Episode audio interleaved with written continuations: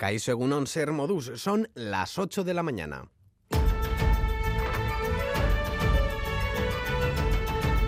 Crónica de Euskadi con Lier Puente. Acuerdo de investidura y de legislatura si se cumplen los compromisos adquiridos. El pacto alcanzado entre PNV y el PSOE garantizará los traspasos pendientes y negociar el reconocimiento nacional de Euskadi. Sánchez ya cuenta con los votos suficientes para ser reelegido después de firmar también con Coalición Canaria. Según el presidente del PNV, Andoni Ortúzar, el acuerdo sienta las bases para negociar el autogobierno futuro en un horizonte temporal máximo de dos años. Se garantiza la negociación y el traspaso efectivo de todas las competencias pendientes. Y en cuanto al futuro, ambas partes aceptamos negociar sobre el reconocimiento nacional de Euskadi, la salvaguarda de las competencias vascas y un sistema de garantías basado en la bilateralidad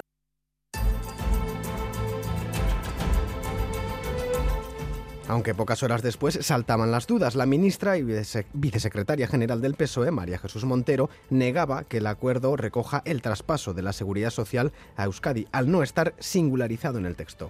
No se ha singularizado nada respecto a seguridad social con el Partido Nacionalista Vasco, que por supuesto el Gobierno se tiene que comprometer al desarrollo del Estatuto de Guernica, pero hay algunas competencias singulares que se le da un plazo inferior, esta no se encuentra entre ellas y por tanto hay muchos empeñados en intentar leer de los acuerdos aquello que no pone, que no hay noticias respecto a seguridad social.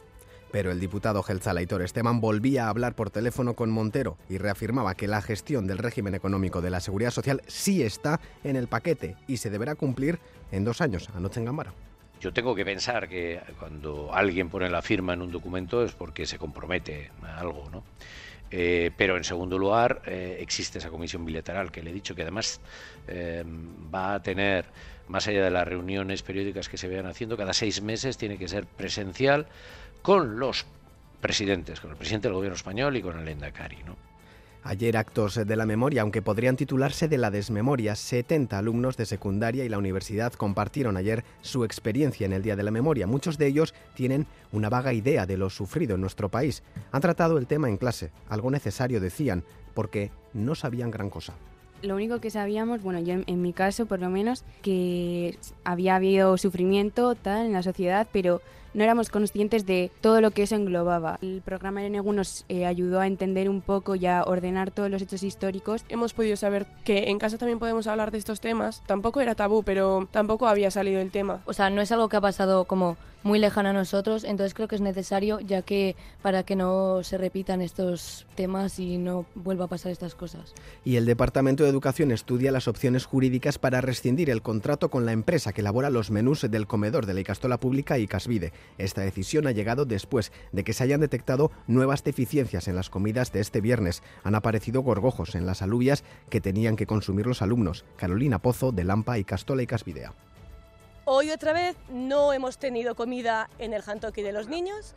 Esta vez eh, han sido las alubias, no estaban bien, tenían gorgojos, no sé qué tenían y no las han servido y otra vez los niños sin comer. La tercera oficial, que sabemos confirmado que hay problemas. Eh, ha habido casos puntuales que no ha llegado la comida o que a los niños han encontrado cosas que no tenían que estar allí. Cinebi, el Festival Internacional de Cine Documental y Cortometraje de Bilbao, ha arrancado su programación con una gala en el Teatro Arriaga, en la que han homenajeado a nuestro compañero y crítico de cine Félix Linares, que ha recibido el Miquel y de Honor. Este premio se da a cineastas, a gente que hace cine, no a aquellos que hablamos de él que lo divulgamos, que lo criticamos, eso que ahora se lleva tan poco, el crítico de cine, ese pesado que está todo el día con el plano secuencia y demás. Esto ya no interesa a nadie. Pues si me permiten, yo voy a reivindicar un poquito la figura del crítico porque no todo el cine es bueno y aunque nos guste, yo también tengo mis placeres culpables. Es decir, he visto un horror de película, pero me lo he pasado estupendamente y ya está. Sorionac feliz. Y anoche en el descanso del partido entre el Athletic y el Celta, los y las aficionadas de San Mamés fueron partícipes del ITV Maratoya, levantando las manos y bailando al ritmo de la canción Auquera Berriac de ETS. Saturday Este año, ya lo saben, el dinero recaudado en la maratón irá destinado a la investigación del cáncer en proyectos de BioEF, la Fundación Vasca de Innovación e Investigación Sanitarias. Ya se pueden realizar donaciones a través de Bizum con el código 33478 y participar enviando un vídeo bailando esta canción.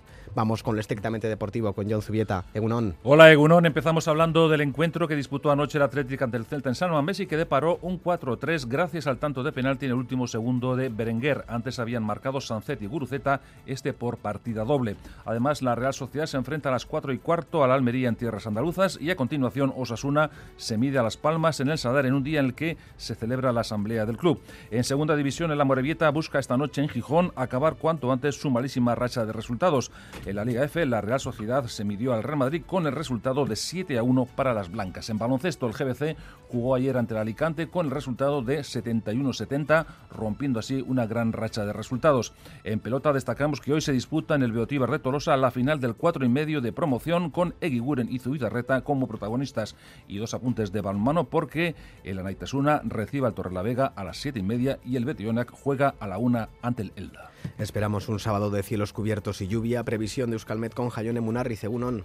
Caixo Agunón, hoy el paso de un frente cálido dejará un cielo prácticamente cubierto y también lluvia débil que será generalizada durante la mañana.